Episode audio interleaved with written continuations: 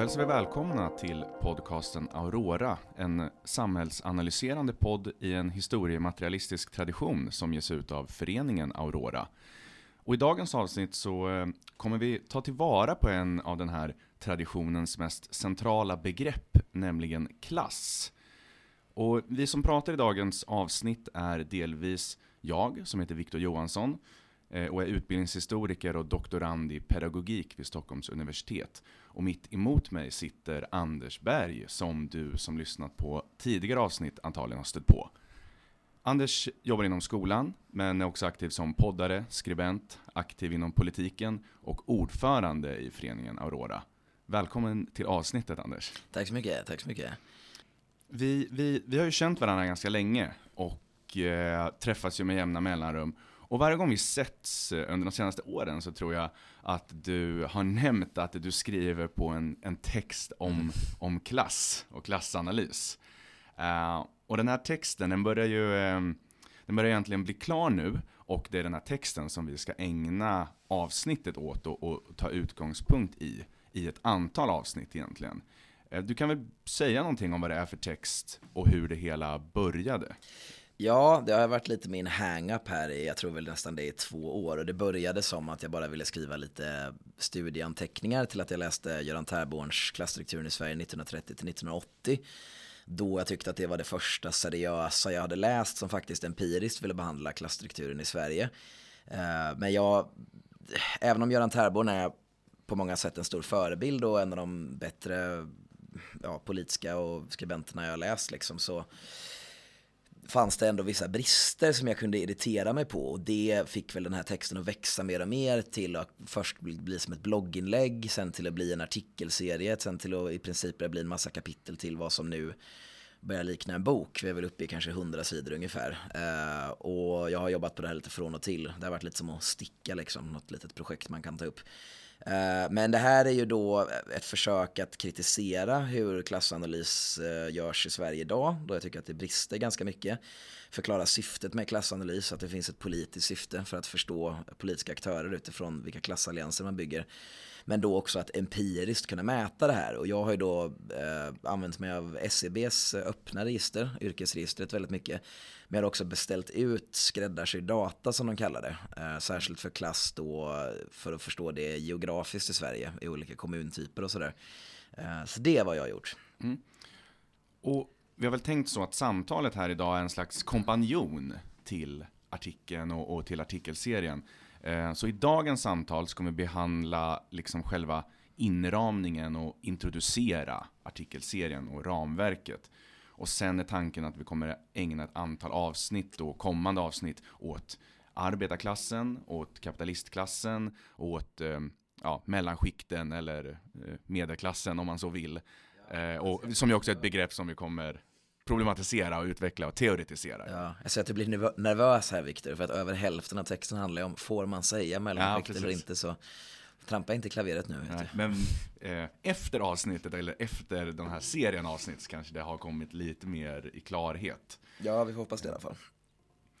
Ja, och du inleder ju eh, texten, eh, eller hela projektet skulle man väl kunna säga, med att ställa frågan vad är poängen med marxism? Så det är väl inte mer än rätt att vi börjar i den änden. Ja. Um, vi kanske kan addera till den frågan just vad är poängen med klassanalys? Ja, precis. Och alltså poängen med att formulera sig så spetsigt om vad poängen med marxism är, är just att marxism är ju idag ett väldigt inomakademiskt fenomen eh, där det ibland, eh, när det står illa till i alla fall, kan bli lite som en ja, en ren intellektuell övning utan något egentlig, egentlig riktning eller syfte. Men om man då ser marxism som en metod för att kunna agera politiskt, då är då det centrala vad jag menar politisk sociologi. Alltså att det handlar om att förstå eh, olika klasser som konstituerande för de politiska spänningarna i samhället och hur de sluter upp bakom vissa olika konfliktlinjer då Eh, och det betyder alltså inte att det som det kanske en gång i Sverige var, eller åtminstone mer åt det hållet, att det fanns renodlade klasspartier med ett arbetarparti, ett parti för ja, företagarna, ett bondeparti och så vidare. Men det är fortfarande sant att du har partier som kanske består av, jag kan ju föregå lite resultatet i studien så att säga, men Sverigedemokraterna tycker jag är ett ganska intressant exempel, för att det är ett parti som rent demografiskt så att säga och grovt uttryckt består av företagare på landet och missnöjda eh, LO-väljare inom, främst då inom privat sektor, eh, mindre så inom alltså offentliganställda arbetare. Och det är ju ett parti som slits av motsättningar eh, i det här, men det är en klassorganisation. Det är en klassorganisation där en klass, den största av dem, har en mer passiv roll medan det här företagarskiktet är den som kontrollerar organisationen. Och det är så här jag tycker att det är värt att förstå politik som en grundläggande princip om vilka klasser är det som utgör de här partierna sett till väljare, sett till medlemmar och vilka intressen av de här grupperna inom koalitionen som sitter i förarsätet så att säga. Så klasser eh, är styrande, kan vara styrande, strukturerande för politik och politiskt beteende, men det behöver inte betyda att ett parti som Sverigedemokraterna är uttalat Nej. klass, baserar sig på klass eller samlar en klass eller någonting. Nej, och det är ju den kanske viktigaste poängen för att ofta när man talar om klasspolitik och klassanalys så är det som att jaha, så du förespråkar alltså där man talar om sig själv i termer av klasser och du säger nej, det, är, det hade väl varit fördelaktigt för att det hade varit ett ärligt sätt att prata om politik. Men poängen är att ja, det är väl lite som en, uh, ja, en bekant till oss två har sagt några gånger att uh, du kanske inte tror på klasser men klasser tror på dig. Eh, mm. Att det är något man inte riktigt kommer ifrån. Och något som jag kan besväras ganska mycket av är väl att man även då inom förment marxistisk tradition ofta försöker eh, kringgå det här. Att det kan upplevas som nästan vulgärt och vara för så här, klassreduktionistisk. Och för att spetsa till det här lite i inledningen av artikeln så skriver jag då att om man accepterar den inledande formuleringen i kommunistiska manifestet att historien om alla hittillsvarande samhällen är historien om klasskamp, då måste slutsatsen alltså vara att all politik i alla hittillsvarande klassamhällen, inklusive vårt, är klasspolitik, eh, är klasskamp. Och när det inte uttrycker sig så tydligt med självbetecknade klasspartier, då förändrar inte det den saken men det gör det svårare och det mm. kräver hårdare intellektuellt arbete och det är väl något jag har försökt bidra till här. Ja, precis. Och du är ju som, som du nämnde inledningsvis inte helt nöjd med hur klassanalys görs eller genomförs, eller har genomförts idag i nutid i Sverige. Det är, li, det är väl lite kan man säga liksom artikelns raison d'être, att du, att du är missnöjd. Så hur ser då klassanalysen ut idag och vad, och vad är bristerna? Alltså det finns ju fortfarande många aktörer som lutar sig mot ett marxistiskt arv eller, och gärna tar begreppet i sin mun ändå. Ja, ja alltså jag har ju försökt, något som har varit ganska viktigt för mig när jag gjort det här är att det är ganska lätt att, att sitta och, eh, och gnälla på sånt som man inte är nöjd med och inte ge tydliga exempel och då också kanske välja exempel som är bekväma och sådär. Så jag, jag har försökt att börja med det uppenbara och börja hos Socialdemokraterna som åtminstone i sin historia på papper på något sätt har växt ur den marxistiska traditionen. De här strömningarna finns kvar, även de här vänsterfalangerna inom Socialdemokraterna är ju inte rädda för att ta begreppet klass i sin mun och även Karl Marx och sådär. Eh, så man kan börja hos dem. Men för att ge en representativ bild av det partiet som helhet så är det väl egentligen bara att vända sig till partiprogrammet och där har vi något som är vad jag skulle säga om man mer talar om ett så vänsterperspektiv på klass så är det här som är dominerande. Nämligen att man i Socialdemokraternas valprogram beskriver klass som en av flera förtryckande maktstrukturer då. Eh, och att, det, att klass är jämförbart med andra förtryckande normer. Och alltså norm och normkritik, det kanske nästan är lite uttjatat i samhällsdebatten nu att kritisera normkritiken. Men det är ändå ganska viktigt att förstå att till den grad som man har en politisk analys så, så är det väldigt mycket den här generella stratifieringsidén där klass är jämföra med andra så här diskrimineringsgrunder typ som diskrimineringslagen. Alltså kön, etnicitet, etnicitet, kön, ja precis och sexualitet och sådär. Och alltså även funktionsförmåga dyker upp här, ålder eh, i, i partiprogrammet alltså, vilket lätt blir liksom lite absurt om man har den här förståelsen som att klass är eh, objektiva positioner i ekonomin där man har olika sätt att förvärva sig en inkomst, och olika medel för att göra det och så ska det jämföras med att det också är synd om människor som sitter i rullstol. Alltså det blir väldigt så här äpplen och päron grej. Mm. Uh, och jag vill väl inte lägga för mycket tid på just det, här för att det, det kanske inte har ett så jättestort intellektuellt djup. Men det som är viktigt att säga är väl att det här är det dominanta perspektivet och det viktiga är väl att förstå att det här är inte ja, ett materialistiskt synsätt. Det här är ett det här är ett liksom ett stratifieringsperspektiv utifrån en, för att vara, använda lite pretentiösa ord, men kanske så här borgerlig uppfattning om rättvisa. Mm. Som är, man kommer inte så långt om man vill diskutera det här som utifrån en gemensam premiss, men Uh, och för, för att förtydliga då alltså att om man, om man till exempel, alltså att om man säger att man blir förtryckt som arbetarklass på samma sätt som kvinnor förtrycks som etniska minoriteter förtrycks eller som eh, liksom rasifierade förtrycks, mm. sexuella minoriteter förtrycks. Att det skulle vara samma sak, eller på samma nivå eller?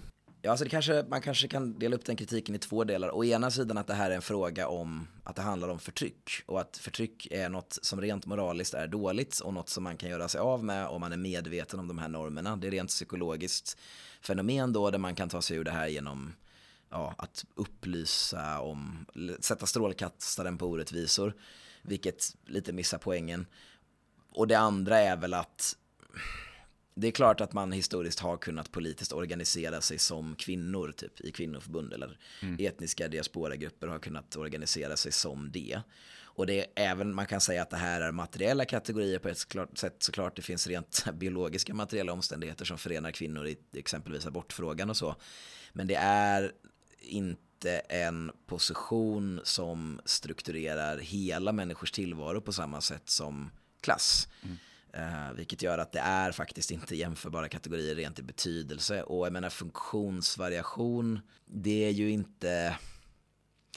För mig blir det nästan svårt att ens förstå vad det är man vill mena med politisk organisering utifrån funktionsnedsatthet. Och det är även liksom en grupp som är väldigt liten i samhället. Mm. Och hur, att vara liksom funktionsnedsatt, eller varierad om man vill säga, är ju någonting som drabbar folk extremt annorlunda beroende på ens klassposition eller andra materiella omständigheter, vilket gör att det blir ett inte så gångbart begrepp för att förstå det här som den avgörande förklaringen till politiskt agerande helt enkelt.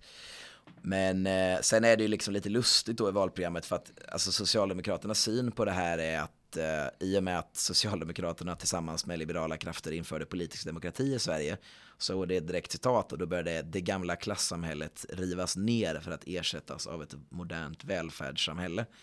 Så då är det ja, man ställer ju sig lätt frågan vad de ens menar med klass här. Och det, det är väldigt subjektiva perspektiv, det är idén om normer, det är en idé om ett medvetandegörande, att man inte typ ska vara fördomsfull för att någon äter falukorv istället för hummer. Och det blir ganska svagt ja. som politisk teori. Och det är inte så tydligt definierat. Nej. Nej. Och problemet med det här är ju egentligen inte att säga att och så här är svenska marxister. Och det, utan problemet är väl bara att det här är den, den dominerande idén inom svensk vänster. Och det är inom svensk vänster som folk som är intresserade av klass befinner sig. Och det är liksom ett habitusproblem mer än ett innehållsproblem i svensk mm. marxism om man säger. Eh, men hur är det då med eh, Vänsterpartiet? Ja, precis. Poängen att gå över till Vänsterpartiet är väl då att man alltid kan säga att eh, ja, men vi vet alla hur Socialdemokraterna är, men här finns de som är real och så vidare. Och Vänsterpartiet är väl lite intressanta om man tittar till deras interna dokument och så, för de hade ju ett partiprogram 1987 som var väldigt så klassisk marxistisk grundbok beskrivet. Det var väl inga fel inget fel på det så, eh, även om ja, man kan ju gå in i detaljerna och sådär. Men, men här pratar man helt enkelt om att det här handlar om en klass då som äger sina produktionsmedel eh, gentemot en klass som är beroende av eh, att arbeta för de här människorna eh, och har ett negativt tvång på sig att göra det. Detta är arbetare eh, och så vidare. Väldigt konventionell marxistisk eh, upplägg. Men i 1993 års principprogram och 96 års partiprogram och det här är ju inom Vänsterpartiet när vi har de här vägval vänster som Jonas Sjöstedt var en del av och även så Gudrun Schymans mer eh, ja, det, jag tror ändå det är nästan rättvist att säga vad det utvecklades till i alla fall. Postsocialistiska vändning inom Vänsterpartiet. Och Vänsterpartiet har slutat kalla sig kommunister. Ja, precis. Mm. De, de gör upp med det liksom. Och det här är efter Sovjet och, och så. Och då börjar man istället prata om överklasser och underklasser i plural, vilket man aldrig riktigt kvalificerar vad det innebär. Och en medelklass dyker upp i programmet första gången, oklart exakt vad det är. Och underklasserna då beskriver man som, det finns en ny underklass av arbetslösa och socialbidragstagare. Eh, och eh, man börjar tala mer om generellt om lönearbete och man lägger också in frågan att mellanklass då så sker orättvisor baserat på kön som man vill likställa och det blir ett problemet här är väl inte nödvändigtvis att man kanske tänker om utan det är väl att man tänker om, splittrar upp i massa mindre kategorier som alla är väldigt vagt definierade vad det faktiskt ska betyda. Vilket ändå, även om det fanns många problem med en äldre stelbent marxism så var det åtminstone ett mer rigoröst system, även om det var ett stelt system. Här slänger du väl ut barnet med badvattnet lite eh, och får vissa problem då. Men Vänsterpartiets program idag, 2017, eh, ser inte ut så. Men det är nästan som att man har konsoliderat liksom förvirringen på 90-talet, den omorienteringen och återgått till något. Eh, och ja, alltså det intressanta med hur man beskriver det idag, är att man pratar då om ganska tydligt inspirerat av Eric Olin Wright, att man pratar om administratörer och managers som inte äger produktionsmedel men som är delegerade maktfunktioner och representanter för borgarklassen. Eh, man pratar om akademiska professioner, tjänstemannaklass och så vidare. Saken här är väl att man ändå landar i den här löntagaraspekten. Eh, att det är de som arbetar för lön, det är den viktigaste gränsen. Och även om man inte uttrycker sig jättetydligt så hamnar man liksom i en situation där man ska förstå då att akademiska forskare exempelvis är lönearbetare utan en betydelsefull distinktion mot eh, mot arbetarklassen och, och sådär. Och, och även dyker det upp sådana märkliga formuleringar som att egenföretagare och småföretagare varken tillhör borgarklassen eller arbetarklassen. Vilket är ett väldigt märkligt påstående. Och du skriver här, eller du, först, du citerar slutet av partiprogrammet, där det står att syftet, där Vänsterpartiet då skriver, syftet med klassanalysen är inte att mekaniskt räkna in varje människa i en klass, utan att förklara hur gemensamma intressen uppstår och förändras i samhället. Och så kommenterar du det genom att skriva att teoretisk imprecision görs här till en dygd. Mm. Alltså, det, man, man, man vill inte vara mer Nej. precis än att säga lönarbetare, kapitalister och så lite däremellan. Precis, och här kommer vi in till det som jag, den här tidigt nämnda irritationen och vad jag tycker är det egentliga problemet här. Att problemet är slarvighet och problemet är en, ofta får man intrycket av medveten slarvighet, att man vill översläta vissa motsättningar. Vi har ju sett det här väldigt mycket i västvärlden med Occupy Wall Street, med det här We are the 99%. Det finns alltid den här liksom överdrivna, liksom majoritära inställningen Ofta då från liksom vänstergrupperingar som faktiskt är väldigt små och inte får så stort väljarstöd. Men som talar om ett vi där det är alltså den absoluta Forbes 500-listan mot alla andra. Och då, det ställer ju vissa frågetecken då att en advokat då helt plötsligt är en del av de här 99 procenten och att ja, det kan finnas skillnader, men prata inte om det, vi ska, inte, vi ska alla komma överens här. Och det leder nästan till slut till motsatsen, vad som är poängen med klassanalys. Mm. Just att dra, alltså att dela upp människor i klasser, eller snarare se att de redan är uppdelade i klasser. Och förstå att det finns en mängd klasser eh, som, inte bara har, som inte bara är liksom proletariatet och kapitalistklassen. Och att det finns många klasser här som inte nödvändigtvis behöver ha oförenliga intressen. Men det viktiga är bara att förstå att det är olika intressen. Mm. Och att det finns en extrem obekvämhet får jag ofta intrycket av att överhuvudtaget diskutera det här.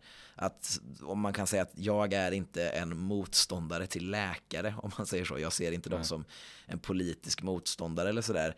Men samtidigt måste man vara ärlig med att om du har en organisation helt utformad av läkare så kommer det forma politiken på ett annat sätt än om den är formad av undersköterskor eller för den delen ja, grovarbetare eller hantverkare det borde vara ganska uppenbart. Men det här är något man vill släta över upplever jag. Men kan det vara, kan det vara för att det som politisk retorik funkar bättre att säga majoriteten mot minoriteten eller vi har ju många exempel på eh, populistiska partier som pratar om folket mot eliten. Liksom att, eh, Ja, alltså det finns väl säkert en sån grej och alltså det finns ju också någon aspekt att man kan inte göra politik där man går in och tjatar att folk ska använda akademiskt korrekta termer för de här olika yrkesgrupperna. Definitivt. Men jag skulle väl mena att alla framgångsrika populistiska rörelser, och då använder jag populism som ett brett begrepp och man kan gå tillbaka till sådana här, alltså agrara rörelser i USA på 1800-talet eller vad man nu vill. Och, men även sådana invandringsfientliga partier och allting som har, generellt har den här retoriska bilden av en, en konflikt mellan folk och elit. Det som gör dem framgångsrika är att de faktiskt lyckas sätta fingret på någonting som faktiskt skiljer människor åt. Mm. Om du tar Sverigedemokraternas populism till exempel vad, vad hade deras, deras motsättning är väl då kanske så vanligt folk, verklighetsfolk mot så här kulturmarxister eller vad tikhäxor etablissemanget. eller etablissemanget och så vidare. Och vad de menar med det är ju inte då Jakob Wallenberg eller bara typ Socialdemokraternas partistyrelse. Utan de spelar väldigt mycket på det här med vilka som gynnas av den här politiken och det är väldigt mycket stad mot land och det är en viss sorts akademiska mediala yrken och sådär deras konfliktlinje, även om de inte skulle uttrycka de här termerna, är inte en 99 mot 1% konfliktlinje, utan det är kanske en, de strävar väl kanske efter en 70-30 konflikt eller något sånt där. Och jag skulle väl mena att om man bara ska diskutera det här termer av effektiv politisk kommunikation, effektiv politisk kommunikation är när du lyckas övertyga människor om en, det finns en väldigt reell motsättning här, så där vi faktiskt är modiga nog att måla upp de här konfliktlinjerna. Om man ska ta, diskutera det som en rent politisk instrumentell grej, men självklart det är absurt att starta ett parti utifrån, eh, det här är ett parti organiserat för reproduktionsarbetare inom eh, kommuntyper av lägre mm. till medelstora. Alltså, ja. Men de här olikheterna och motsättningarna kan man få syn på bättre med en klassanalys ja. som vågar vara lite mer precis än den som Vänsterpartiet Precis. Alltså den här vänsterpartistiska skapar ju dels vissa intellektuella problem, att det är väldigt svårt att förstå verkligheten, men den skapar också politiska problem, att det här är ganska manipulativt. Det här är ett sätt för, och det är väldigt typiskt för just klasser mellan proletariatet och kapitalet som är ganska svaga på egna ben att ha ett intresse av att uttrycka sig på det här sättet och kunna få med grupper utanför sina egna väldigt små ranker liksom, är min uppfattning.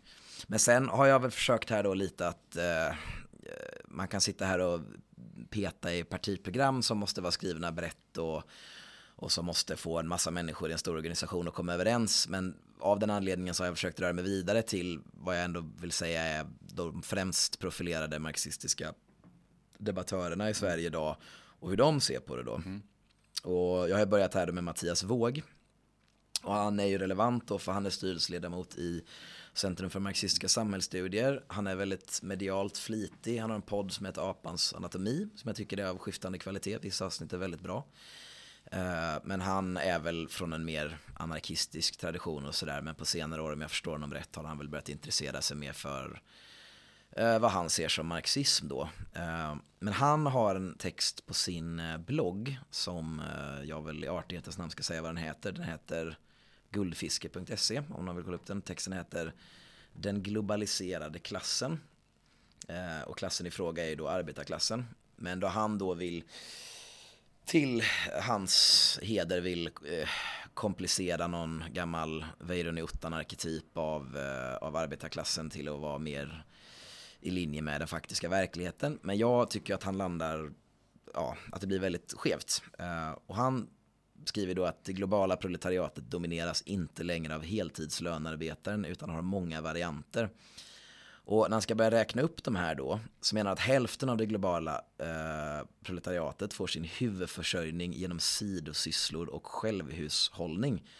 Om han då menar alltså självhushållning, det första som slår mig då är ju subsistensjordbruk, vilket om det där är den huvudsakliga revenykällan i, enligt alla den klassiska ekonomins kategorier så är det, då är frågan avklarad. Då är inte det här arbetare. Det är inte proletärer för att de äger sin gård och de producerar.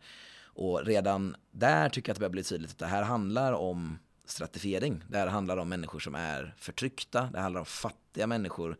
Vilket inte är ointressant att se hur de ser ut. Men det är inte i linje med klassisk marxistisk klassanalys. Eller ja, med den klassiska ekonomin överhuvudtaget. Det är ingenting som Adam Smith eller David Ricardo hade skrivit under på. Men han bladdrar upp de här då att det som utgör det här globala proletariatet är då småbönder och självhushållsjordbruk. Väldigt märkligt tycker jag. Självanställda egenföretagare, rättare sagt självexploaterande former av proletarisering. Och klart vad som menas. Entreprenörer, frilansarbetare, gatuförsäljare, små butiksägare, slavar, skuldsatta fångar och folk inom militärt arbete. Och alltså det han lyckas beskriva här är ju tre, minst tre distinkta klasser. Vissa av de här är att han återupprepar sig själv då, att entreprenörer och egenföretagare, vad frågan är vad den relevanta klassdistinktionen är där egentligen. Men tre distinkta klasser som ända sedan Marx tid är väl definierade vad de är för någonting. Alltså han, det han bidrar med här är inte att plocka upp de här oklara gränsfallen och ge dem en tydligare definition utan han tar upp det ganska tydligt definierade och splittrar upp dem enligt märkliga linjer och delar upp dem i redan existerande klasser. Alltså likt vad vi pratade om tidigare så försöker han också lämna in en massa olika klasser med lite olika distinkta karaktäristik under ett paraply som ja. man kallar proletariatet. Precis, och jag tycker väl att Våg är, han är kanske ganska representativ för det första problemet med svensk marxistisk klassanalys. Alltså att när man ser till de lägre klasserna då, att det blir väldigt uppenbart att det här handlar om vilka som är förtryckta, vilka som är fattiga. Det mm. är inte, uh, egentligen är det inte klasser man diskuterar om man ska vara väldigt petig, utan det man diskuterar är sociala skikt. Och det är en skiktningsteori. Alltså, man kan ju ta sådana här klassiska, alltså Marx och Engels nästan komiska förakt mot trasproletariatet då, vilket mm. i princip är kriminella. Eh, mm. och hur de väldigt tydligt i deras skrifter är motståndare mot arbetarklassen. Och, mm. och det finns ju sådana här klassiska analyser av den fascistiska rörelsen där trasproletariatet spelade en central del i Mussolini och Hitlers eh, partibyggen och sådär. Och man behöver inte ta det som biblisk lag att det är sant, men det är ganska uppenbart. Man, man argumenterar utifrån en position att man gör klassanalys i Marx anda, men mm. ja, ignorerar många av hans slutsatser ganska tydligt. Men för att förtydliga din kritik då, så om du säger att Mattias Vågs försöker eh, skapa liksom en, en väldigt bred definition så att en politisk rörelse kan formas av alla mm. fattiga, förtryckta i lägre strata av samhället och så vidare, så menar du att det skapar problem eftersom att, just eftersom att de här har olika positioner, karaktäristik och intressen, eh, så kommer det skapa problem att försöka skapa en gemensam rörelse där man inte tar hänsyn till att de här har olika Precis, det kommer ju skapa problem för om man genuint tror på det och det är inte bara en retorisk rörelse. Om man genuint tror på det här så skapar det problem med att man inte är medveten om de motstridiga intressen inom ens egen koalition. Vilket kommer få den att klappa ihop för att då kommer man inte ha ett sätt att hantera det. Och det andra är väl att om man är medveten om det så kan det vara ett ganska manipulativt sätt eh, att eh, hitta lite maskottar och kanske prata om, jag menar jag har upplevt människor i politiska vänstermiljöer som jobbar som gymnasielärare och väldigt okontroversiellt beskriver sig som en del av arbetarklassen. Vilket i den mest breda definition väl kan stämma i någon, men det är ja, väl godtyckligt. Och där upplever jag att det är ett uttryck för manipulation. Mm. Att man vill ha den moraliska tyngden i att företräda den gamla arbetarrörelsens traditioner. Men man har egentligen inte riktigt resurserna att göra det och man strävar inte efter samma mål helt enkelt. Um, och man försöker få med arbetare på tåget utan att de egentligen är de som får avgöra vad det handlar om. Det. det. är väl de två problemen skulle jag säga. Och det kan ha att göra med att, inte för att bli för teknisk eller detaljerad här, men det kan ha att göra med att Mattias Våg kommer från en lite mer postmarxistisk tradition där man i Laclau Muffs anda tycker att det handlar om att artikulera frågor eller intressen som förenar väldigt breda intressegrupper. Ja. Mer än att utgå från klassanalysen. Precis, alltså för mig känns det ganska tydligt att han har en annan teoretisk influens. Det som kan besvära mig med honom är väl lite att han inte alltid riktigt gör det tydligt. Och att han även teoretiskt slätar över vissa motsättningar. Alltså att han Alltså om man vill avvika från Marx, vilket jag gör i en del frågor, så tycker jag väl bara att det är ärligt att säga att man gör det. Samtidigt som man profilerar sig ganska mycket som någon, ja, modern marxist då. Uh, om vi ska diskutera det på någon slags ren marxismens bushido, hederskod här så, så, Men det stora problemet är väl snarare att jag tycker att det skapar en dålig analys. Ja. Så det var det första problemet, alltså problemet med en väldigt bred definition av arbetarklassen eller den, den lägre klassen. Eller vad säga. Eh, det andra problemet handlar om vad som finns emellan, så att säga, de två stora klasserna. Ja, och i folkmun helt enkelt, så det vi pratar om här är medelklass och det är ju ett komplicerat eh, begrepp då, för det skulle vara en klass definierad av att det är på en stratifierad medelnivå. Då överger man ganska direkt kategorier som ägandeförhållanden och så vidare. Men självklart, det finns grupper som är svåra att placera i kapitalet eller i proletariatet och det som man vanligtvis inom marxistisk forskning brukar prata om då är ju mellanskikt. Eh, och mellanskikten då tillsammans med småborgare alltså egen och småföretagare, är väl de som kan utgöra de olika medelklasserna i plural, är väl ett begrepp vi kan acceptera. Och det är ett reellt problem, det är grupper som finns där. Problem, poängen är inte att förneka det, poängen är väl snarare hur man, eh, hur man ramar in dem. Och här tycker jag väl att Kajsekis Ekman är ganska mm, karaktäristisk för problematiken. Hon deltog eh, 12 februari 2017 i ett program i SVT som heter Idévärlden. Och där är konceptet då att man bjuder in eh, tänkare, debattörer och med och presenterar liksom stora idéer, stora mm. samhällsanalyser. Eh, och de får göra som en presentation av det och sen så bemöts de av två opponenter. Det ska vara lite populär akademiskt så kanske. och hennes avsnitt då hette Kapitalismen är ohållbar. Och när hon skulle beskriva Eh, Eh, klassrelationer i Sverige då så säger de så här att kapitalisten tjänar pengar genom att sälja varorna till ett pris som är högre än kostnaden för material och arbetskraft. Det betyder att kapitalismen grundar sig på utsugning. För om alla arbetare fick lika mycket lön som det värde de skapade skulle kapitalismen kapitalisten inte få någon vinst. 2% är vd, styrelseordförande, högre chefer. 6% är egenföretagare utan eller med få anställda. Men 90% av alla svenskar är lönarbetare. Vi Kajsa Ekman då också antar jag, äger alltså inte produktionsmedlen utan säljer vår arbetskraft. Och då är det då att alla löntagande grupper då, om man så är mellanchef, advokat, grovarbetare, då är man då alltså en lönearbetare. Och Kajsa Ekman är inte alltid jättetydlig med sina slutsatser här. Att för mig får ju det här att tänka att då vill du alltså bygga, då menar du att det här är människor som om de hade varit rationella aktörer, då hade de agerat som en klass då. Eh, och det tycker jag är en ohållbar slutsats. Hon är inte alltid så tydlig, men det är ett återkommande tema. Hon skriver bland annat då, hon är ledarskribent, eller var i alla fall ledarskribent för vänstertidningen ETC. Och ehm, där pratar hon också om det här då, att, fast då säger hon att hälften av Sveriges befolkning är arbetarklass. Använder man det vidare begreppet löntagare blir det 90%. Men hon säger då, det är samma personer som avses med gruppen utsatta och det är vi som bygger upp landet, alltså 90%. För att överhuvudtaget ska kunna få en rent statistisk rimlig kategorisering av 90% av förvärvsarbetande i Sverige så måste du börja inkludera chefspositioner. Du måste börja inkludera folk på, inom akademiska institutioner. Du måste börja inkludera företagare för att överhuvudtaget börja nå de här siffrorna. Och det är väl det att det går inte riktigt att säga så här utan att slutsatsen på något sätt blir att de här är en del av bygget. Och sen tydligast blir det kanske när hon var med i det kinesiska tecknet för möjlighet, vilket var en podcast från, eh, eller från Flamman, eh, som är kopplad till Vänsterpartiet då. Eh, hon säger så här. Varför ska man få 30-40% av befolkningen att tro att de är Warren Buffett? Mm. Why? De mm. är ju inte det. Alltså det, det finns liksom, visst det är klart det finns skillnader om du ska spalta upp alla olika samhällsskikt i Sverige.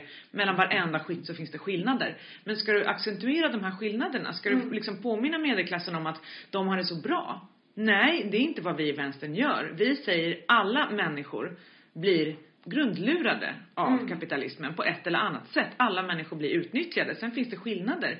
Men det är ju inte det vi ska ta fram utan det vi ska ta fram är att vi tillsammans tjänar på att äga saker gemensamt, ekonomisk demokrati och sånt. Här säger hon explicit att det som man inom vänstern ska göra då är inte att accentuera klasskillnader. Man ska inte göra klassanalys i princip, är vad jag tolkar det här som. Och ehm, jag är övertygad om att hon skulle bestrida min tolkning av det här eh, om hon hade hört mig. Men jag tycker inte riktigt att det går att landa någon annanstans. Att hon, hon säger nej till att diskutera innanmätet i de här 90 procenten. Det är fel, det är inte vänsterpolitik. Och det har hon rent de facto rätt i, det är inte vänsterpolitik. Men det är kanske också det som är problemet. Just det. Och det är kanske en sak att Kasekis Ekman inte vill eh, accentuera eller prata om, bryta ner, analysera de här 90 procenten. Men du menar ju att det här är en tendens som även Göran Tärborn, som du pratade om inledningsvis, Ja. har kanske gått mot under de senaste åren. Ja, och om man ska vara helt ärlig, faktiskt nog var lite i redan förr. Alltså Göran Tärborn kan vara värt att säga. Alltså jag anser att Göran Tärborn är Sveriges främsta marxist under efterkrigstiden. Troligtvis Sveriges främsta marxist någonsin, i alla fall i en rent intellektuell mening. Han har ju inte varit så politiskt aktiv vad jag vet. Eh, och jag tycker väl att han på senare år har gått från att vara en fantastisk författare till en fortfarande bra författare. Men jag tycker det har skett en ganska tydlig försämring. Och han skrev då en bok som heter Klasstrukturen i Sverige 1930-1980. Den släpptes 1980 tror jag ursprungligen, eller 81 kanske något sånt där.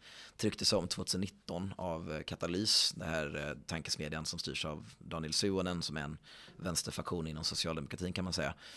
Eh, Den är väldigt, väldigt bra.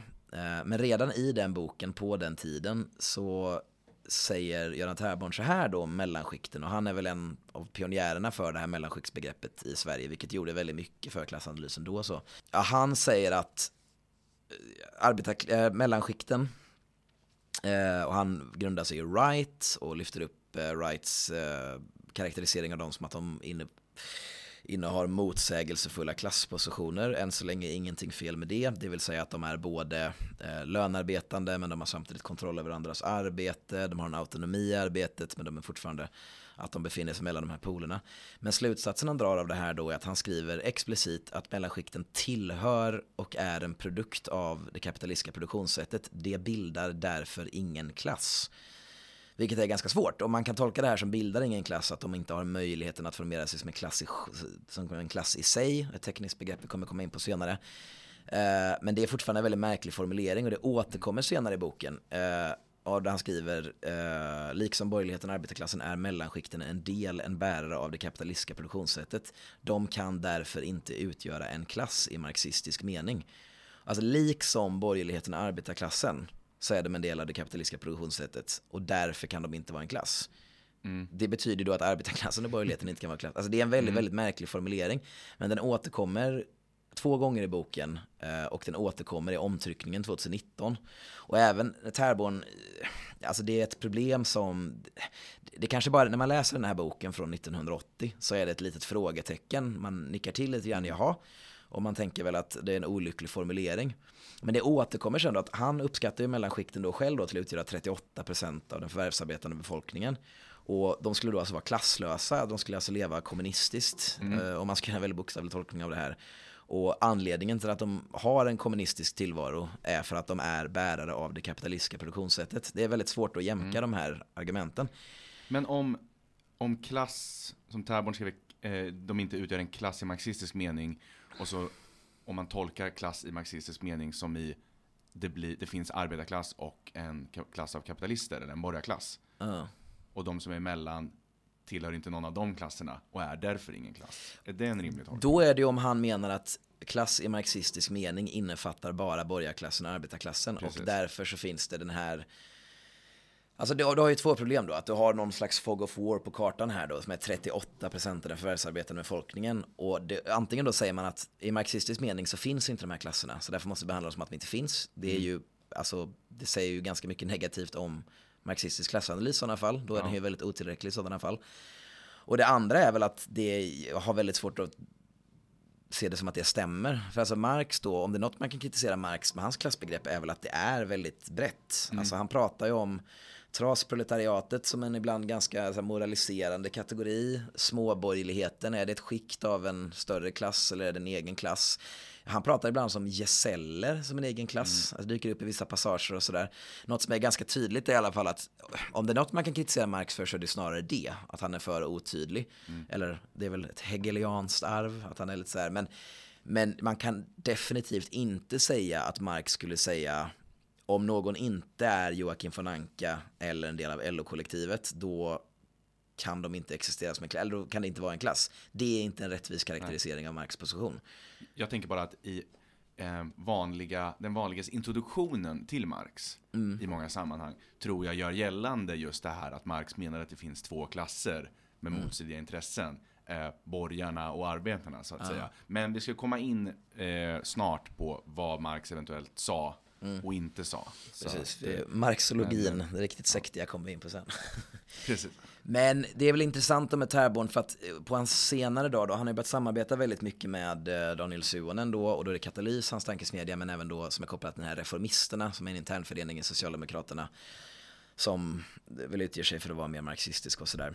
Uh, och den här boken har väl skrivit oberoende av dem, men det är lite i samma sväng. Det är en bok som heter, väldigt talande titel, Kapitalet, överheten och alla vi andra.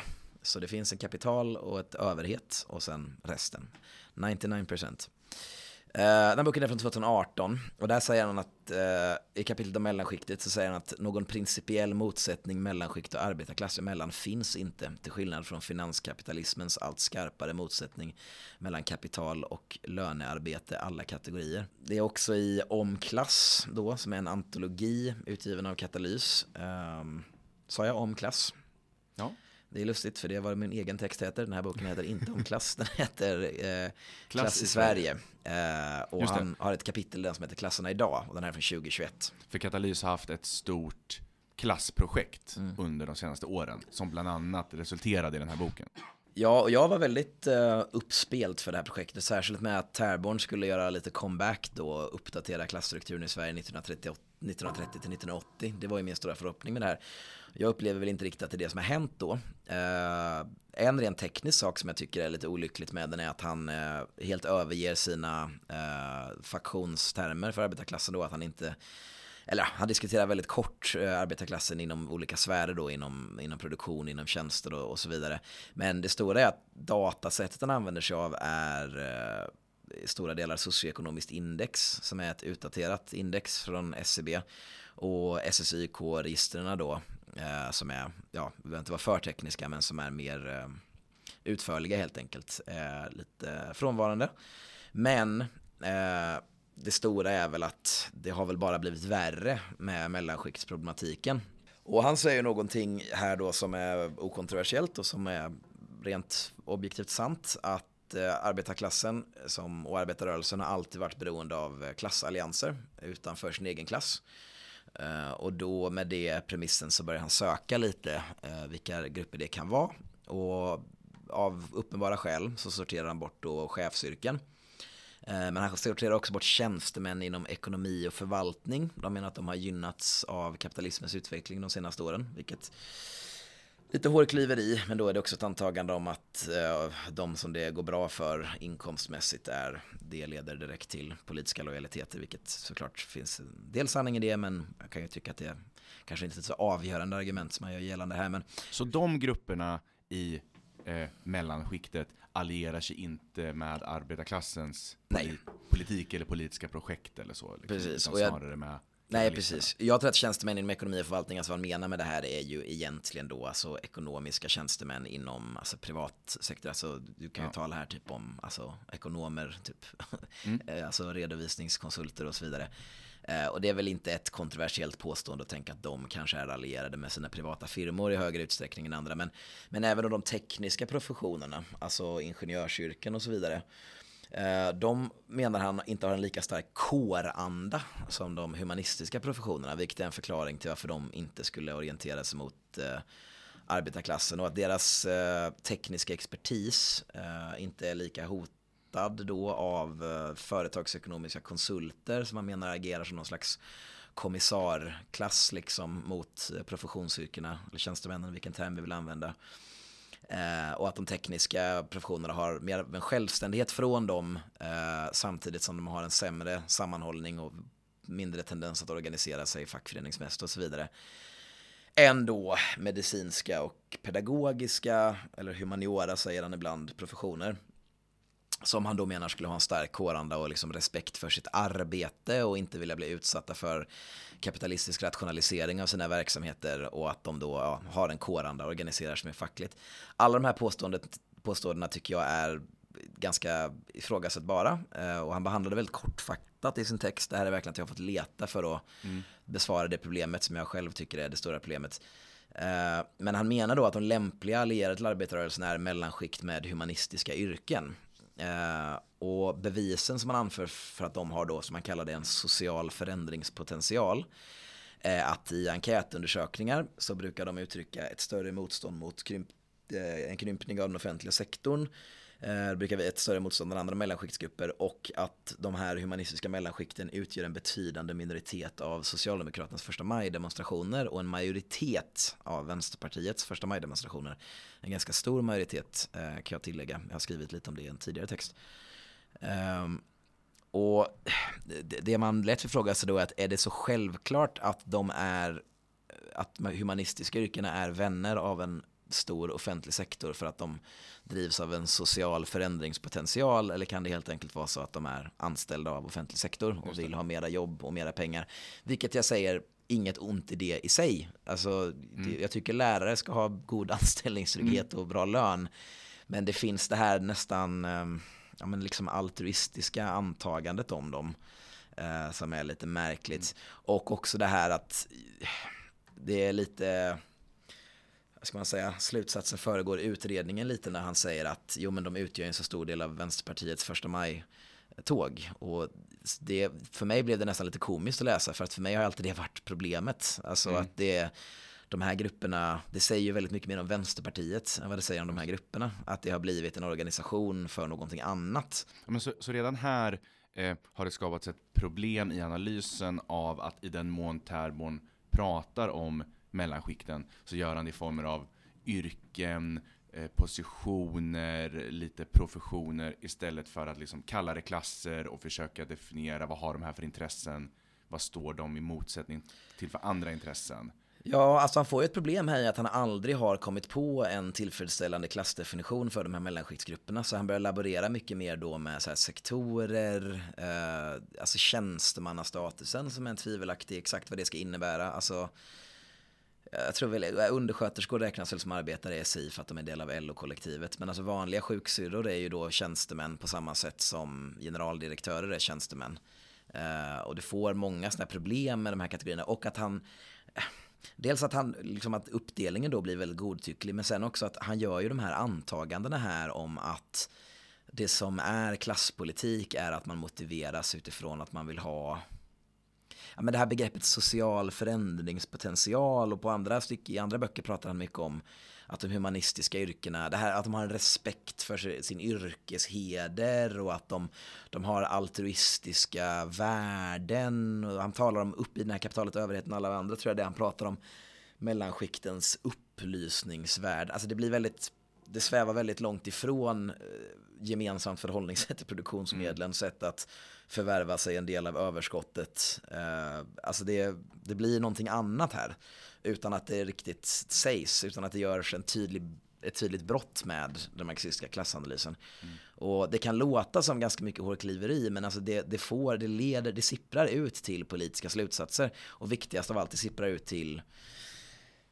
frågan om klassallianser, vilka klasser man kan alliera sig med och också huruvida man har arbetarklassens stöd eller inte. Alltså Vänsterpartiet, mm. om man tar det här bokstavligt talat att de här humanistiska yrkena det är typ de är lönarbetare, då kan man helt och hållet ignorera problemet att det inte finns några arbetare inom Vänsterpartiet. Alltså inte en enda, ja, inte en enda, nu tog jag i, men alltså ja. extremt lite. Alltså Centerpartiet går det bättre för på den punkten. Det går definitivt bättre för Moderaterna som en andel av deras väljare som är, som är arbetare liksom. Och ja, det skapar ändå konkreta politiska problem om man utgår från de här premisserna. Men om man kallar dem här, om man kan definiera de här som klasser och säga att de är den huvudsakliga basen till Vänsterpartiet så får man en bättre bild av Vänsterpartiets politiska beteende och Precis. vilka det tjänar. Precis, och det är väldigt viktigt då. Och här har vi, jag, jag vill ändå vara ödmjuk för dilemmat för att det är svårt exakt hur man ska klassa de här grupperna. Jag vill inte föregå utredningen här heller, men jag har ju försökt att komma till ett svar som jag är nöjd med. Uh, och det är väl professionsgrupper jag tycker det är rimligt att prata om här. Uh, som jag försöker motivera mer hur man kan prata om i klasstermer och så. Men vi kommer in på det sen. Men jag tycker inte att Terborns svar räcker till, även om jag kan förstå problematiken. Det. Uh, och det kan väl vara viktigt att säga också att ja, problemet här är ju inte att en läkares intressen inte kan överlappa med typ en undersköterskas intressen av att man kanske vill ha en eh, vård styrd av allmännyttan snarare än av profitmotivet. Det finns många läkare som har gjort så här upprop mot eh, privata kliniker och så vidare, mm. definitivt. Men det här är ju snarare att det är olika intressen som tenderar att överlappa i de här frågorna. De kan även överlappa med eh, arbetare som inte är anställda av sjukvården. Eh, som möter sjukvården som rena konsumenter och kan se nytta i det här.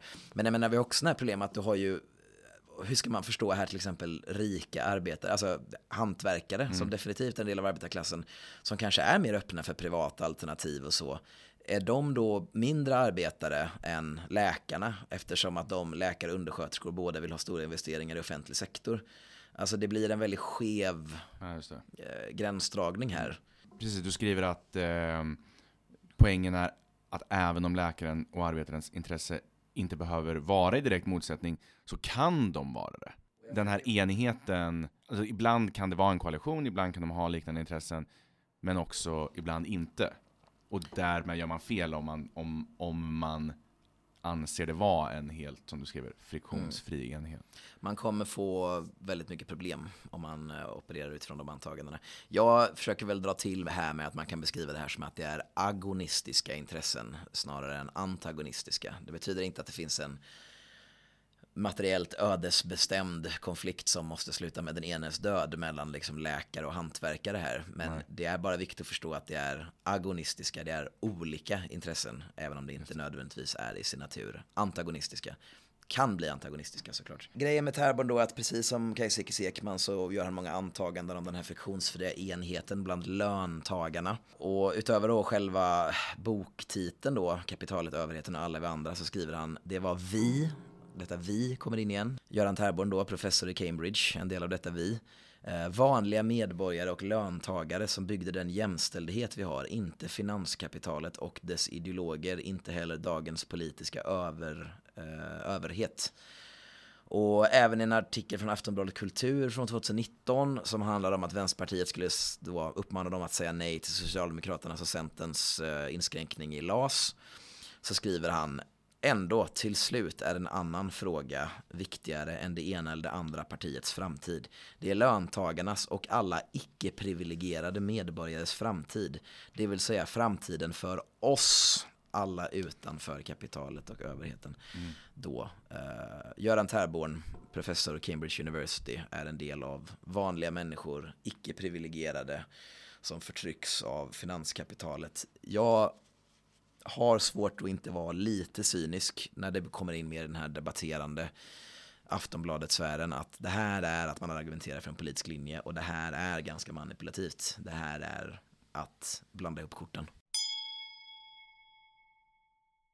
Detta är ett reklammeddelande. Om ni gillar vad ni hör, var god följ föreningen Aurora på Facebook och Twitter. Om ni verkligen gillar vad ni hör, Donera gärna en gåva till vår Patreon eller via Swish på numret 0763 45 03 24. Alltså 0763 45 03 24. Tack, slut på reklammeddelande. Mm. Så om vi sammanfattar så långt så kan vi säga att din kritik i huvudsak eh, går ut på att de här eh, nutida klassanalyserna saknar precision. Mm. Eh, som du säger, en för bred kanske definition eller inlämmande i, i vad man menar med löntagare eller 90% eller arbetarklassen. Mm. Och det här problemet med grupperna däremellan. Ja. Att de antingen inte anses vara någon slags klass eller att de anses vara då en del av den här större eh, ja. löntagarklassen då. Och, och, du kallar detta för slarviga klassanalyser. Precis, och det är också en välvillig tolkning att det är slarv, mm. att det är en fråga om ja. bristande kompetens. Men jag kan väl ibland cyniskt misstänka att det kanske är ganska medveten strategi för mm. att täcka över vissa motsättningar inom den egna koalitionen. Som sagt, nu har vi pratat mycket om den här kritiken och vart den brister. Och vi ska väl komma in på Ehm, och titta närmare på Marx egen klassanalys eller hur, hur du tolkar Marx och klassanalysen.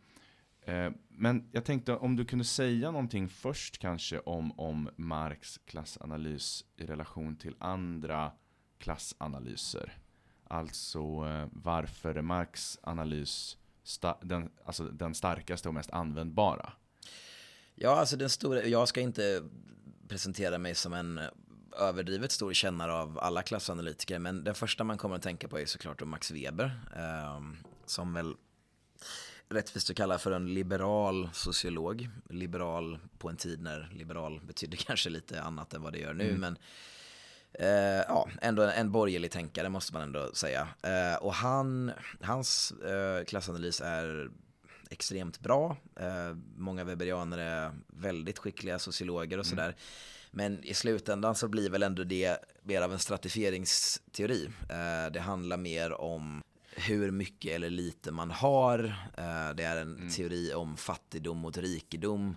Det är inte en teori om strategiska positioner i en ekonomi som uh, determinerar vissa intressen och utifrån vilken man kan förutse politiska mm. beteenden på samma sätt. Och det, är också... mycket influens man har i politiken och hur mycket status olika Precis. yrken Han involverar ju sådana, alltså statustillgångar lika som ibland blir jämställda med ekonomiska, alltså socialt, ja det är inte exakt de termerna han använder, men så socialt kapital, kulturellt kapital. Och han ser det väldigt mycket som en, ett cirkulationsfenomen då. Eh, alltså han ser det som en, eh, eh, ja, vilka inputs du kommer med till en marknadsrelation i ekonomin då. Och vad du kan använda för att klättra upp eller ner i den här stratifieringsstegen. Eh, och det perspektivet är väldigt fruktbart och det som hedrar weberianer som säger att de är weberianer är att de inte påstår sig agera utifrån någonting som de inte gör, vilket skapar mycket teoretisk förvirring och sådär. Eh, Max Weber är en stor, tänkare, mm. men eh, inte, han är någonting annat. Och utöver det så har vi ju, alltså, eh, det är väl säkert en person jag kan tänka mig att du kan bättre än mig, men alltså Bourdieu är väl stort då, eh, som väl så här marxistiskt influerad, men det är väl också den här idén mer om eh, klass som social status, klass som vad som anses vara... Och klass som kulturella mönster och så vidare. Precis. och jag menar det, om man ska prata om någon slags så grundskole, eller så här, ett dominant perspektiv inom, eh, när man ska liksom prata om vad klass är för någonting, så kan det vara mycket sånt där att det eh, du har växt upp i vissa familjemiljöer där man tittar mycket på Melodifestivalen och så vidare. och Så vidare. Så därför så kan du inte framställa dig som en av dem på insidan om du går på en fest i societeten, vilket är varför du aldrig kan bli en del av dem. Och antagandet här är ju alltid att den sociala mobiliteten är öppen för alla hela tiden. Eh, det finns inga liksom, objektiva ekonomiska begränsningar till hur stor social mobilitet det kan vara, utan det här är en fråga om eh, om du har de kulturella vanorna och de sociala teknikerna för att kunna klättra upp här liksom. Och där, det är ju inte sant, skulle jag väl säga helt enkelt. Borgerliga och liberala på det här sättet att de förutsätter en liksom helt öppen social mobilitet. Ja, och de förutsätter en ganska jämn marknad som alla kan agera på och eh, om man bara är savvy nog så kan man vinna och, eh, och att även om någon har vunnit just nu då eh, så är det det demokratiska kanske är fel ord men det rättvisa i det är att den människan kan alltid slå sig ut och byta sig ut av någon annan och sådär. Eh, vilket väl är tvivelaktigt men också kanske mindre intressant för att det tittar på någonting annat. Sen ska sägas att jag är, jag är ganska intresserad av alltså, typ, mm. termen klasskulturer. Jag tycker att det är mm. ganska mm. intressant att man kan definitivt se mönster eh, utifrån klass, vad man konsumerar för kultur och vad man tycker är eh, fin eller ful smak och så vidare. Eh, och det, jag tycker att det är en intressant fråga och jag tycker det är också typ ganska intressant för politisk kommunikation. Jag tycker det är ganska intressant för då, vilka värderingar som går hem hos vilka, vilka klasser och sådär. Mm. Frågan är väl om inte sånt ibland mer kan skära sig på motsättningar mellan stad och landsbygd och så. Alltså du kan ha butikspersonal i Göteborg som jag tror kulturellt kanske står mycket närmare eh, många så här högre mellanskiktsgrupper än vad eh, ja, en rik hantverkare på landet gör. Och, mm. och men det här är väl intressant med Sverigedemokraterna också, att det finns någon, eh, jag lyssnade faktiskt på en podcast av en, eh, en utslängd Sverigedemokrat som eh, skvallrar ganska fritt om vad som händer i det där partiet. Och han poängterar det själv att det, det är lite lustigt det här med att Sverigedemokraterna har alltid haft den här alliansen av, som han säger då, företagare på landet och eh, arga LO-arbetare. Mm. Och att han säger att det har aldrig varit ett så stort problem. Eh, även om han själv i kontexten av det här podcastavsnittet diskuterade den eventuella, för det var IML LAS och så, han diskuterat eh, SD behöver ta en att han pekar på att det kan vara en motsättning inom SD, liksom, eh, inom SDs klassallians, även om man inte pratar de termerna. Men att han själv slogs av att hur eh, förvånansvärt lite konflikter det har varit internt mellan de här två grupperna. Eh, och ja, han tillskrev ju det ganska mycket då liksom en, ja, att de alla är, de är lantisar liksom, de är, mm. de är, de är köds, de är, ja men så här, någon sån här white trash aspekt av ja, det. Och även om white trash är ett ganska vidrigt nedlåtande begrepp så det fångar ju någonting här med att det mm. finns ju ett kulturellt shit här som kan lappa över klassmotsättningar upp till en viss punkt. Eh, och inte minst som kan göra, alltså Donald Trump används ju ofta som ett exempel på en, definitivt en del av eliten men som kanske hade ett sätt att prata som Uh, han kanske hade en retorisk förståelse för vad som mm. går hem liksom. Och det tycker jag är mm det tycker jag är ett intressant perspektiv. Sånt kan jag lätt slå över till så kallad alltså, arbetarism då, att man gör det till en helt eh, estetisk fråga. Om att sann klasspolitik är att man ser ut som ja, Weironuttan då, mm. eller Frank från Hammarkullen, de mm. här kulturella ikonerna för någon slags riktig arbetare och så. Och det är larvigt. Men jag tycker att det är, de här kulturella aspekterna är intressanta, men eh, man måste förstå vad de är och vilken ja. dignitet de är. Ja, men då nöjer vi oss med det att de olika så kallade klassanalyserna kan, får man säkert syn på olika saker och svara olika frågor. Men med den marxistiska, den är starkast när du ska eh, analysera och, och, eh, beräkna ekonomiskt, politiskt och historiskt beteende. Precis. Eh, helt enkelt. Ja, identifiera intressen ja. tror jag är någonting man ganska konkret kan koka ner det till. Och ja. utifrån det förutse beteende. Bra, för att eh, då går vi väl lite närmare in då på eh, den marxistiska klassanalysen. Eh, dina utgångspunkter och det vill säga kanske Marx utgångspunkter. Eh, du menar ju kanske att vi borde gå tillbaka och titta lite närmare på vad Marx faktiskt sa, vad han sa någonting om och det var han inte sa någonting om när vi gör vår Marx tolkning. Precis, för det är ju väldigt viktigt tycker jag att vara öppen med att det finns, att Marx levde för 200 år sedan, mm. eller ja, 150 kanske. Eh, och det är en person som, det finns stora brister och det finns saker som, även om inte de sakerna är så många, men jag tycker det finns vissa antaganden som jag är osäker på om jag själv tycker att det stämmer.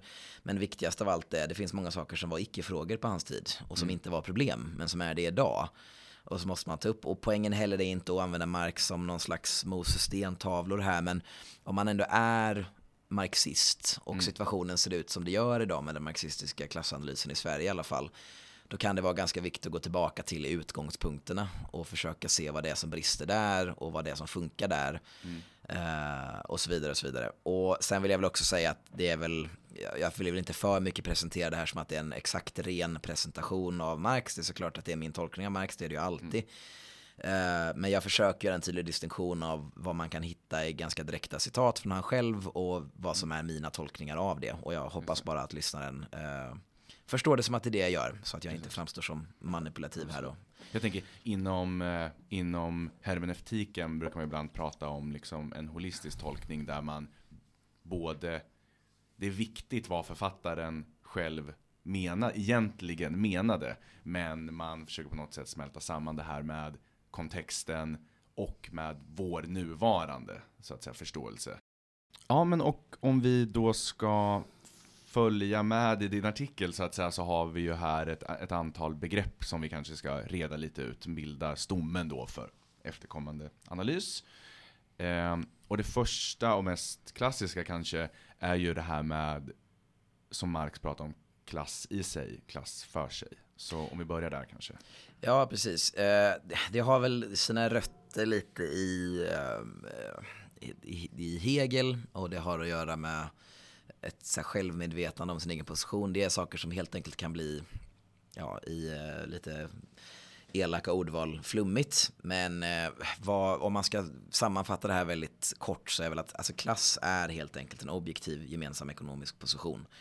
Eh, det är helt enkelt eh, att du då lönearbetar i en fabrik. Eh, då är du tillhörande samma klass till samma person som gör samma sak i en fabrik någon annanstans än ett land. Ni är samma klass.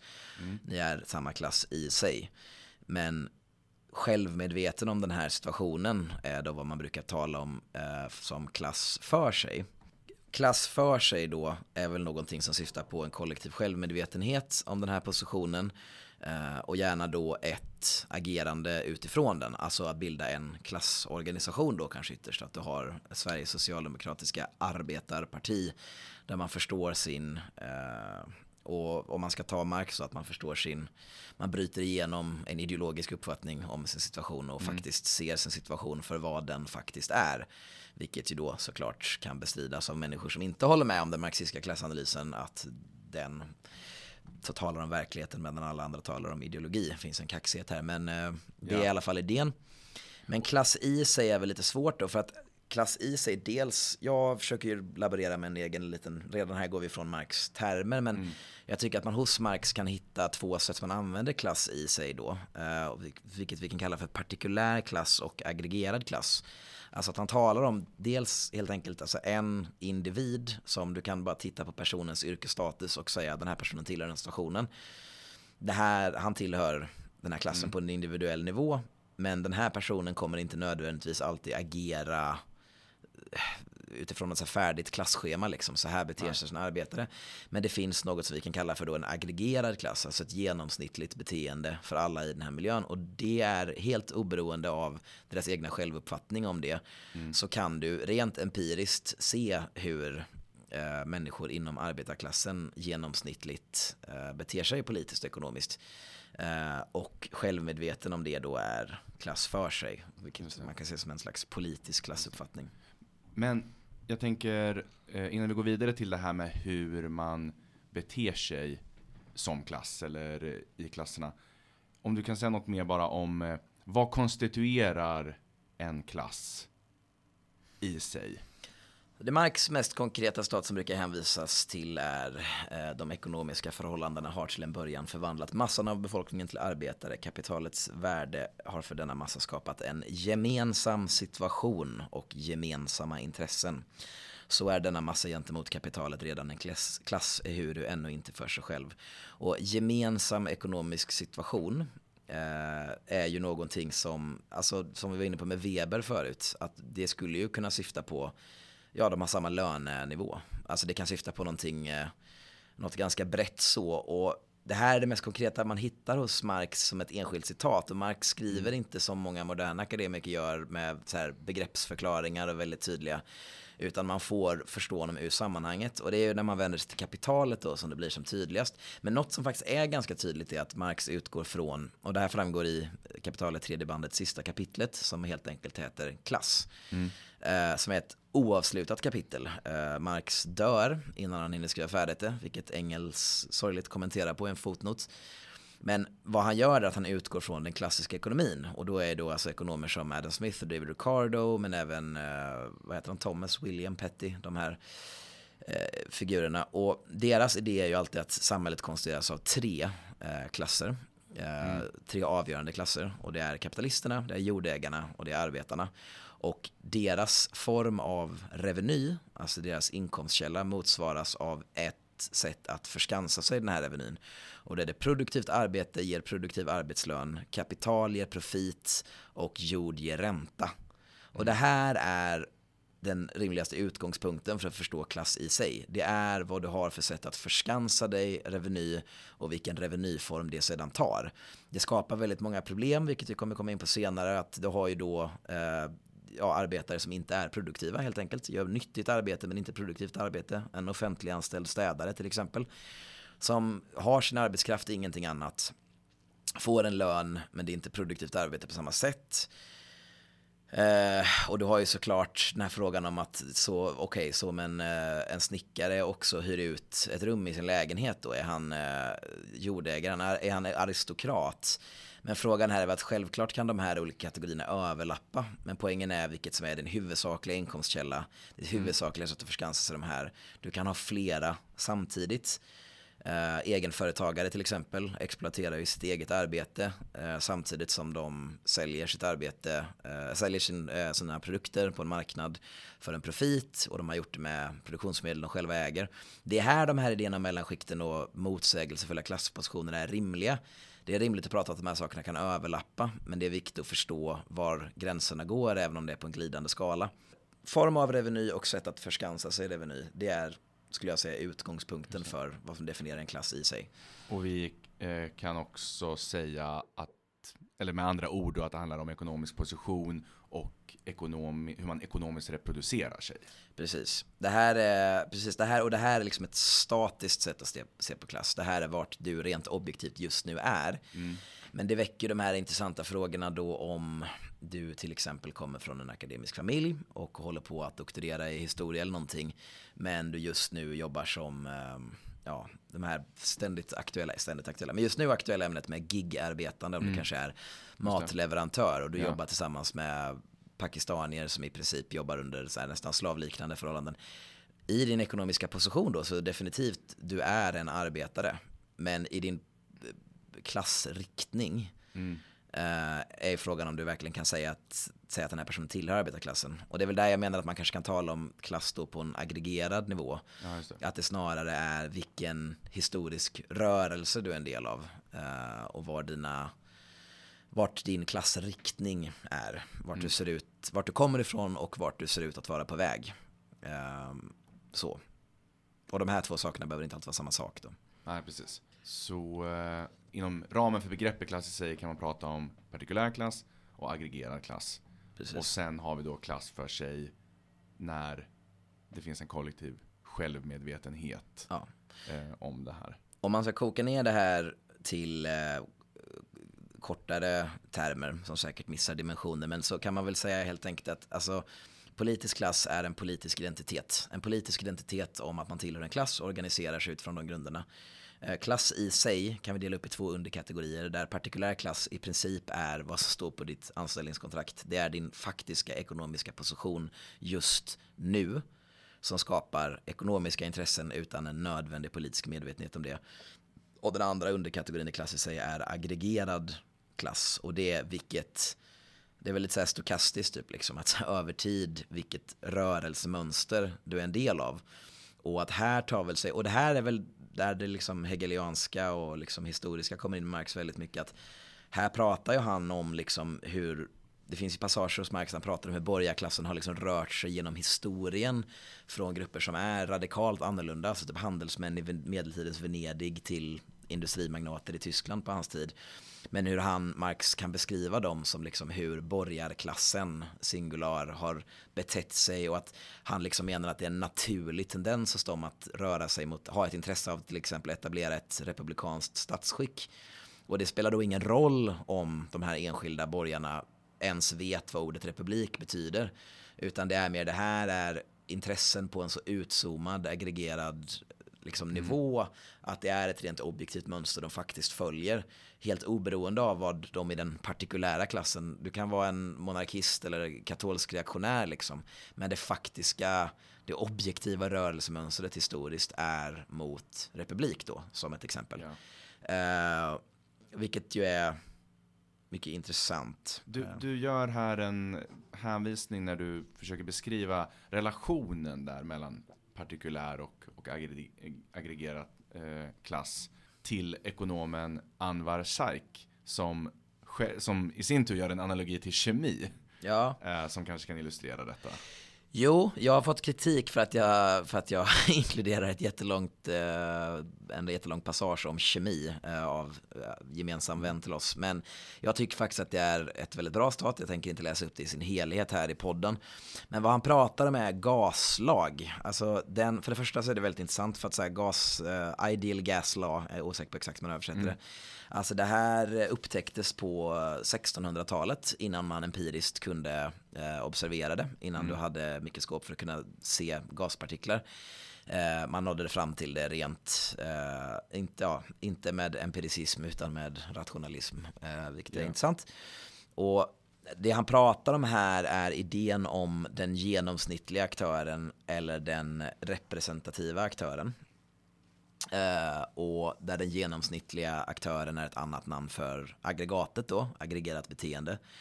Vilket kommer vara väldigt annorlunda från hur den representativa aktören beter sig. Och det man menar då är att alltså en representativ aktör är att ta en person som du är en genomsnittlig ja, vad ska vi ta på? Ja, du är en LO-arbetare inom LO-kollektivet. Du har det här jobbet, du har inga särskilt annorlunda eh, anställningsförhållanden än vad som är det vanligaste. Så om jag studerar dig så kan jag säga hur arbetare beter sig. Men mm. den här personen som en representativ aktör kommer bete sig vilken man än väljer, kommer bete sig på många punkter radikalt annorlunda från den genomsnittliga aktören. Eh, och idén här är väl att du kan få en bättre förståelse för den här klassen genom att titta på genomsnittet och aggregatet än att titta på den individuella representanten. Och ja, det här med gaslag då. Alltså det här är att eh, gaslag är ju det genom att du har, om du har en eh, behållare, du har en shaping structure som man säger, en formande struktur, vilket då låter säga att det är en glasbehållare. I den har du massa gas. Och de här gaspartiklarna då eh, rör sig väldigt, väldigt fort och studsar runt den eh, mm. strukturerande, eh, den formande strukturen. Eh, på... De individuella partiklarna studsar runt i ett kaos. Precis, i ett totalt kaos. Ja. Om du tittar på en kapitel, du, du, på en partikel, du kommer inte se eh, ett mönster. Det kommer liksom den representativa agenten, du kommer inte kunna se något, för, liksom förutse någonting. Men om du tittar, istället studerar ytorna på den här glasbehållaren Eh, Eh, och ser hur ofta de möts av ett studs. Liksom. Då kan du mäta det här extremt detaljerat. Exakt hur många gånger de slår in på exakt hur lång tid och exakt hur alla de här partiklarna på en aggregerad nivå över tid beter sig i sin behållare. Och människor i mänskliga samhällen är inte gas och glasbehållare, men analogin är ändå ganska träffande tycker jag. För att mm här är idén då om att det är intressant att titta på den representativa aktören, men det är, den säger den faktiskt mindre än mm. den aggregerade aktören. Och den går bara att studeras inom, ram, inom en kontext, inom ramen för vad för miljö den rör sig i. Och det går bara att göra det här över tid. Ja. Det är det enda sättet man kan förstå det här rent vetenskapligt metodologiskt. Och för att överföra det här till, till mänskliga samhällen då, så den formande strukturen då i marxistiska, det är olika produktionssystem. Du har eh, ekonomiska partiklar, ekonomiska aktörer som är individer inom klasser som rör sig inom kapitalismen och du måste se dem över tid för mm. att se något faktiskt mönster. Och det här är rätt intressant då, för att det ställer vissa metodiska frågor, eh, alltså metodologiska frågor. Att det enda du har tillgång till såklart, rent eh, statistiskt, är ju partikulär klass. Du har ju bara, det enda du kan få ja. ut genom SCB är ju hur många människor som just nu har den här anställningsformen. Eh, och om du vill liksom förstå något, om du bara tar dem som jag har gjort då, deras position år 2019, du kan inte riktigt så förstå hur de kommer bete sig om du inte ser dem över en längre tid. Men du kan däremot såklart göra då vissa teoretiska antaganden om i och med att de tillhör den här klassen. Och i och med att vi har kunnat se hur den här klassen beter sig över tid för i andra sammanhang så kan jag anta att de kommer och så vidare. Och, så vidare. och det är därför eh, Marx gör många eh, långa svepande eh, penseldrag genom historien på väldigt hög abstraktionsnivå, aggregerad nivå då. Ja. Men, och han använder de slutsatserna när han sen går in och till exempel analyserar klasstiderna i, i Frankrike som en av, en av de här analyserna. Ja, för att återgå till det här eh, alltså exemplet med republik. Alltså det är ju något som är intressant första gången man möter Marx är att det nästan verkar liksom lite övernaturligt nästan att det finns den här idén om att han beskriver nästan vad som mer är ett klassöde än ett klassintresse. Alltså att de, mm. de, är, de är dömda att gå den här utvecklingen.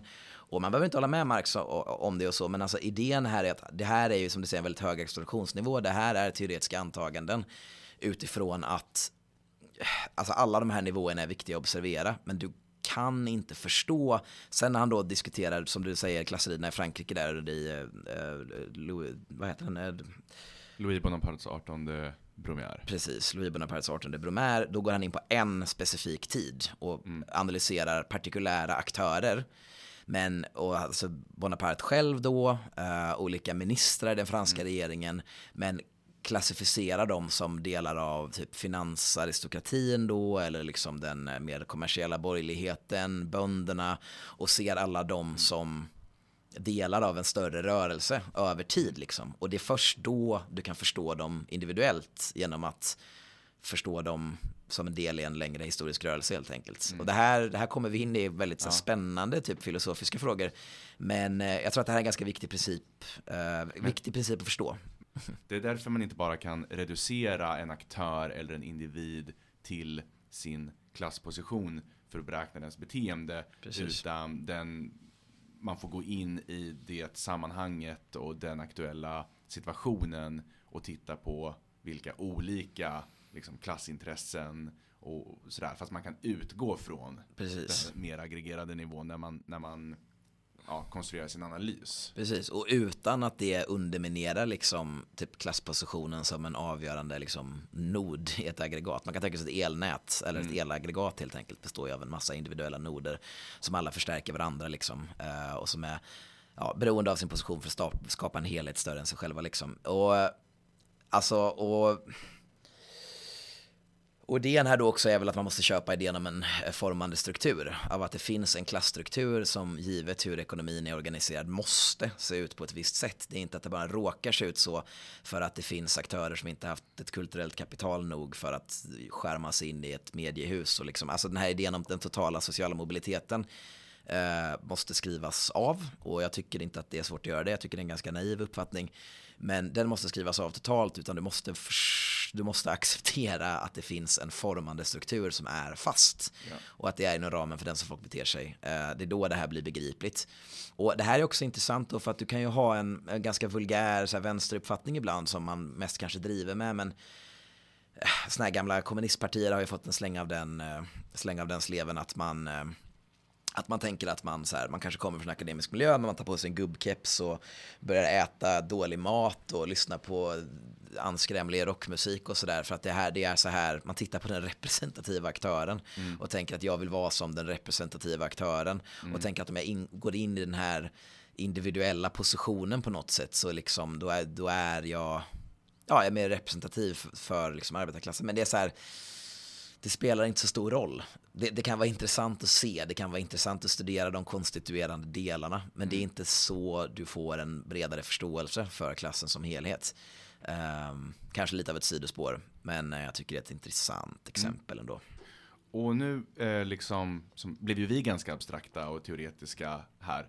Eh, men om vi ställer det i relation då till din kritik och till din kommande analys. Ja. Eh, hur används det här då? Eh, du vill ju ändå kolla på den partikulära klassen Precis. idag.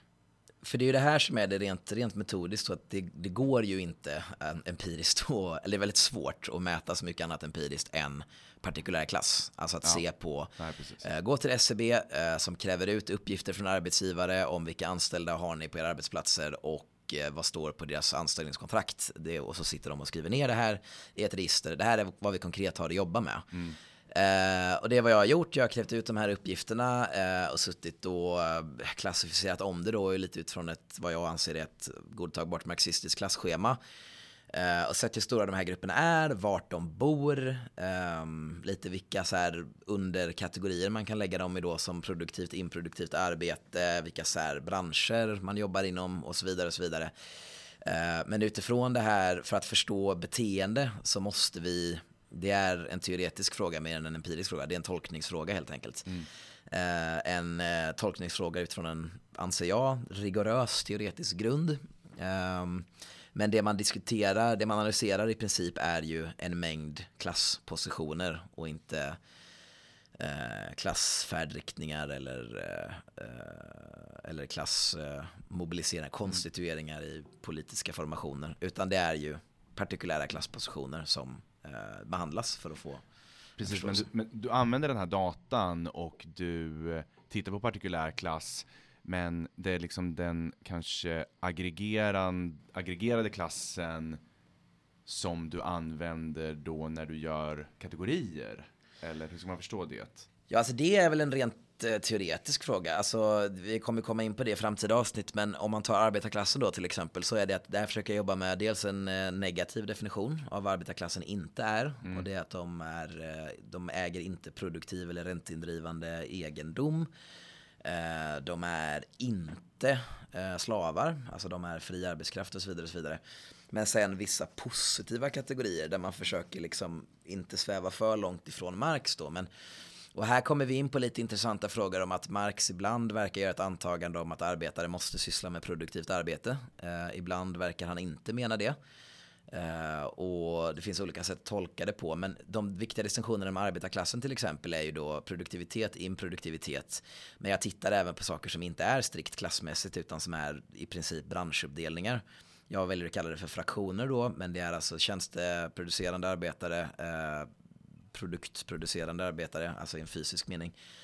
Eh, reproduktionsarbetare, alltså som reproducerar mänskligt liv och det är då barnmorskor, eh, undersköterskor, välfärdsarbetare i stor utsträckning.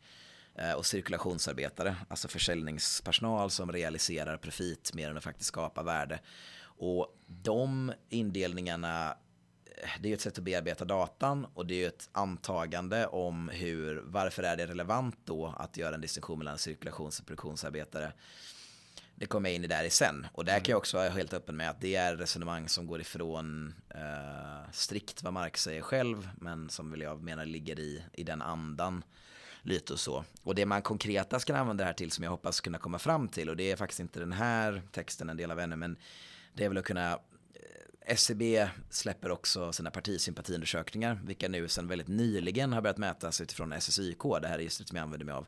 Eh, men det är på en ganska grov nivå men det finns faktiskt goda möjligheter eh, som jag inte riktigt sett någon ta inom svensk marxism att analysera väljarmönster utifrån ja, mm. ganska rigorösa klass, eh, klasskategorier. Och vad man röstar på en gång vart fjärde år säger inte allting om ens politiska position och klass, eh, klass för sig och klassidentitet och så vidare. Men det är faktiskt ett väldigt användbart sätt att eh, peka åt rätt riktning för att förstå hur de här klasserna eh, beter sig historiskt i ett politiskt intresse och så vidare. Och allt det här kan ju alltid jämföras med historisk litteratur, politisk litteratur där det klart finns mycket utrymme för tolkning och det finns inte så ett till ett förhållande där mellan de här klasskategorierna och politiska beslut. Men, men det ger ändå en ganska stark grund för att förstå politiskt agerande utifrån, uh, utifrån klass. Just det. Och du kom, man kan jämföra eller du kan säkert diskutera eh, politiska klasser eller politiska koalitioner för sig så att säga. Eh, men det du, du, tittar på är klass i sig.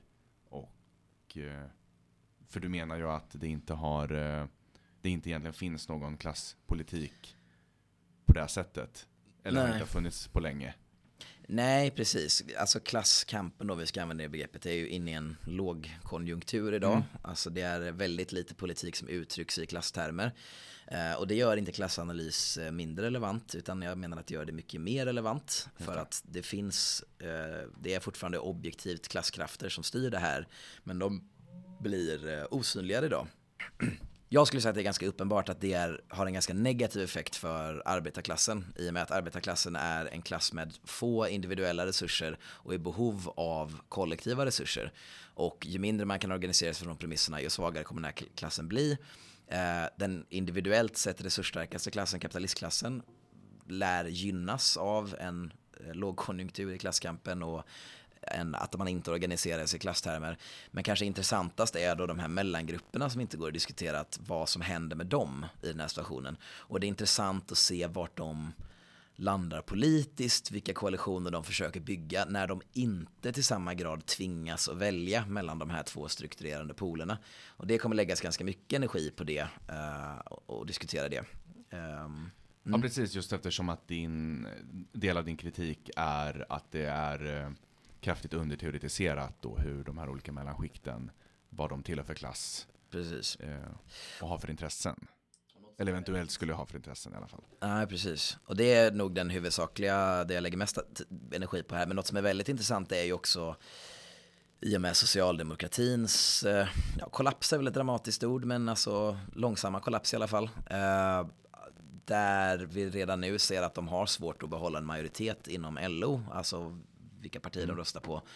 Och hur det inte då leder till att det formas ett nytt arbetarparti eller något sådant. Utan just att arbetarklassens eh, röst i val blir väldigt utspridd och dess politiska beteenden, liksom att det kanske är falanger inom arbetarklassen som börjar ja, överge klassenighet och istället kanske sätta sig i baksätet på andra klassers projekt. Liksom. Och det är någonting som jag tror formar väldigt mycket politik i Sverige idag och som jag tror kommer forma det mer en tid framöver. Eh, där arbetarklassen blir ja, reservtrupper, kanonmat åt andra klasser som är befälhavare liksom, mm. i, i, andra arméer så att säga. För att vara lite militaristisk. Toppen, då ska vi nog börja runda av, men vi kan väl säga någonting om vad som kommer hända närmast då? Ja, precis. För tanken är att vi försöker släppa de här eh, poddavsnitten i takt med att vi släpper de här texterna. Så att mm. det här blir en mer, för den som är vill lyssna blir det lite mer bekväm, bekvämligt sätt att komma åt ämnet. Eh, men här efter då så kommer det släppas en del som behandlar eh, ja, proletariatet och kapitalistklassen, alltså arbetarklassen och, och eh, kapitalisterna. Och det kommer då vara i en ganska torr eh, demografisk bemärkelse. Hur stora är de här grupperna? Eh, hur stora är olika falanger inom de här grupperna?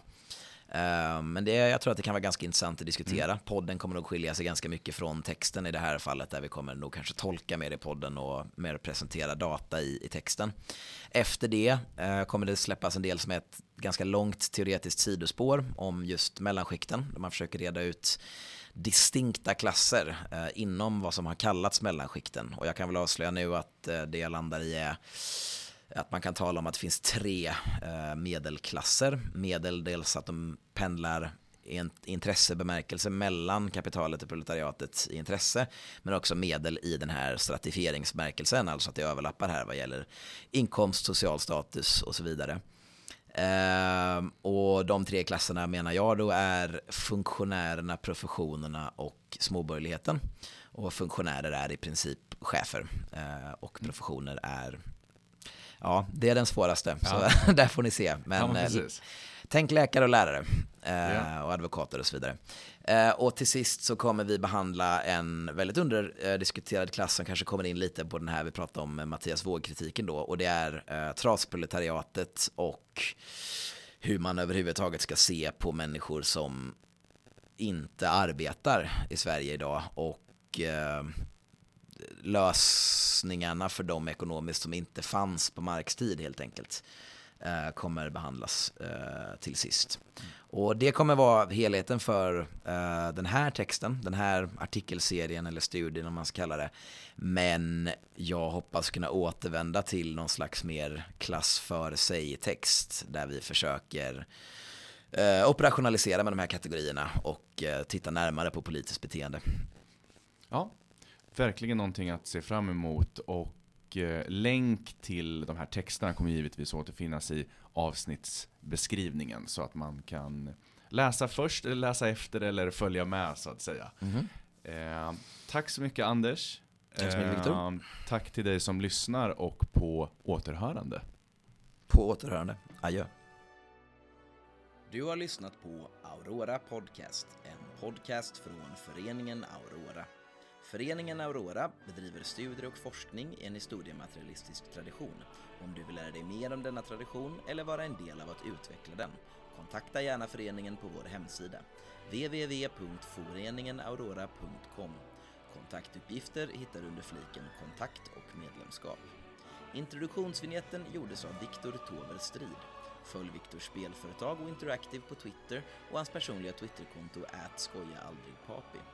Mitt namn är Anders William Berg och jag vill som föreningens ordförande tacka dig för att du har lyssnat. På återhörande.